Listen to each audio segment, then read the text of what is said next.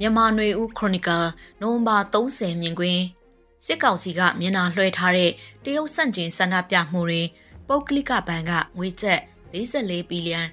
UNG သိန်းစီဆိုတဲ့ဆောင်းပါးကိုဖတ်ကြားပေးပါမယ်။အော်တိုဘာလကုန်ရှမ်းမြောက်ဒေသမှာစတင်ဖြစ်ပွားလာတဲ့တစ်တုံညာနှစ်ခွန်စစ်စင်ဖြစ်ပွားပြီးတလကျော်လာချိန်မှာဒီစစ်စင်မှာတရုတ်နိုင်ငံကဘလောက်ထိလက်ဝင်ပါသလဲ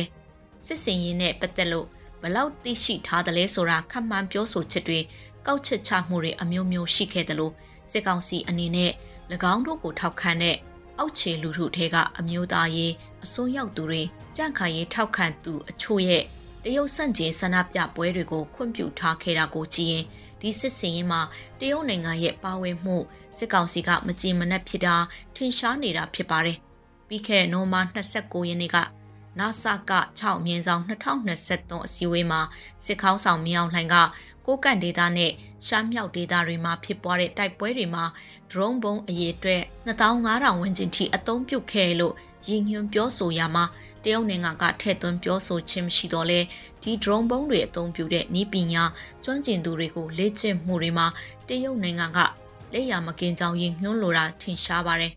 ဒီလိုလက်တလောဖြစ်ပွားတဲ့ရှမ်းမြောက်ကထိုးစစ်တွေမှာတရုတ်နိုင်ငံရဲ့ဤပညာအကူအညီလက်နက်အကူအညီတွေပါဝင်နေလိမ့်မယ်လို့ စစ်ကောင်စီဘက်ကမှတ်ယူထားတာသိချပါတယ်တစ်ဖက်မှာတော့စစ်ကောင်စီဟာဒီအဖြစ်ပြက်တွေမတိုင်ခင်ကလေးကသဘောတူညီခဲ့တာတွေအရတရုတ်နိုင်ငံရေတပ်နဲ့ပူးတွဲစစ်ရေးလေ့ကျင့်တာတွေပြုလုပ်ဖို့တရုတ်ရေတပ်သင်္ဘောတွေခုရပိုင်းမှာရန်ကုန်မြို့ကိုဆက်ရောက်လာတာလည်းဖြစ်ပါတယ်။တရုတ်နိုင်ငံအနေနဲ့မြန်မာနိုင်ငံအရေးမှာဒီမိုကရေစီစနစ်ဖြစ်ထွန်းရေးဆိုတာမျိုးလုံးဝထည့်သွင်းစဉ်းစားခြင်းမရှိတာတန်တရားဖြစ်ပွဲမရှိပါဘူး။တရုတ်နိုင်ငံကို၌က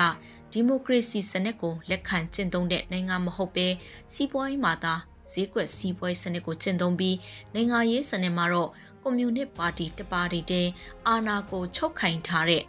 အာဏာရှင်ဆန်တဲ့အုပ်ချုပ်မှုနဲ့အုပ်ချုပ်နေတဲ့နိုင်ငံဖြစ်ပါတယ်။မြန်မာနိုင်ငံမှာအာဏာရှင်အုပ်ချုပ်သည်ဖြစ်စေဒီမိုကရေစီစနစ်ရွေးကောက်ခံအစိုးရအုပ်ချုပ်သည်ဖြစ်စေတရုတ်နိုင်ငံအနေနဲ့၎င်းရဲ့စီးပွားရေးအကျိုးစီးပွားလုံခြုံရေးအကျိုးစီးပွားတို့ကို ဦးစားပေးကမူဝါဒလက်တွေ့ကျင့်သုံးမှုတို့ကိုလှုပ်ဆောင်မှအသေးချာဖြစ်ပါတယ်။တရုတ်နိုင်ငံအနေနဲ့အိန္ဒိချင်းနိုင်ငံတနိုင်ငံဖြစ်တဲ့မြန်မာနိုင်ငံမှာအခြားသောအင်အားကြီးနိုင်ငံတစ်ခုခုရဲ့တဆင့်ခံနိုင်ငံသဖွယ်မဖြစ်ဖို့ကပိုပြီးအရေးကြီးတာဖြစ်ပါတယ်။ဥပမာအားဖြင့်အမေရိကန်၊ရုရှား၊အိန္ဒိယတို့လိုနိုင်ငံတနိုင်ငံရဲ့ဥစားခံမဖြစ်ဖို့အဆိုပါနိုင်ငံကြီးတွေကစစ်ရေးအရာလုံခြုံရေးအရာမြန်မာနဲ့နီးနီးကပ်ကပ်ဆက်ဆံတာမျိုး အဲ့လိုနိုင်ငံတနိုင်ငံကလက်နက်ကင်တက်လို့စစ်စခန်းလို့စစ်ရေးပူးပေါင်းဆောင်ရွက်မှုလိုမျိုးမဖြစ်ဖို့ရာကြိုတင်တွေးပြီးကောက်ွယ်မှအသေးချာဖြစ်ပါတယ်။အိမ်နီးချင်းနိုင်ငံမှာတခြားသောအင်အားကြီးနိုင်ငံတို့ရဲ့ဩဇာလွှမ်းမိုးမှုမရှိစေလိုတဲ့အချက်ကအဓိကအချက်နောက်တစ်ချက်အနေနဲ့တော့အိမ်နီးချင်းနိုင်ငံကအာဏာရှင်ဖြစ်စေဒီမိုကရေစီစနစ်နဲ့တက်လာတာဖြစ်စေတည်ငြိမ်တဲ့စစ်မဲ့ကြီးကြီးမားမားမဖြစ်ပွားတာမျိုးကိုလည်းလိုလားမှာဖြစ်ပါတယ်။ စစ်တပ်အာဏာသိမ်းပြီးနောက်စစ်ကောင်စီခေါင်းဆောင်ရဲ့ရုရှားဘက်ကိုတန်တမာရေးစစ်ရေးစီးပွားရေးပုံမနီးကပ်စွာဆက်ဆံလာတဲ့အပေါ်တရုတ်နိုင်ငံကစိတ်ဝင်စားစောင့်ကြည့်အကဲဖြတ်နေမှသိချပါတယ်ဒီလိုအခြေအနေတွေပုံမှာတရုတ်နိုင်ငံကမြန်မာစစ်ခေါင်းဆောင်တွေကိုသင်ခန်းစာပေးဆုံးမတဲ့သဘောလို့ယူဆရင်မှားမယ်မထင်ပါဘူးဘယ်လောက်ထိဆုံးမမလဲဆိုတာတော့ခုနေခံမှန်းဖို့မလွယ်ကူသေးတဲ့သဘောဖြစ်ပါတယ်ဒီနေ့အဖို့ အခြားသောအကြောင်းအရာတစ်ခုကတော့ကိုလင်းမြို့သိမ်းယူခဲ့စဉ်ကနိုင်ငံပိုင်မြန်မာစီးပွားရေးဘဏ်အပြင်ပုဂ္ဂလိကဘဏ်တွေကငွေကြေး44ဘီလီယံကျပ်ကိုပါ UNG အစိုးရလက်အောက်တပ်ဖွဲ့တွေကတင်စီထားတယ်လို့နိုမာ30ရက်နေ့စွဲနဲ့ UNG ကြားကာလဗဟိုဘဏ်ကကြေညာချက်ထုတ်ပြန်ခဲ့ပါတယ်။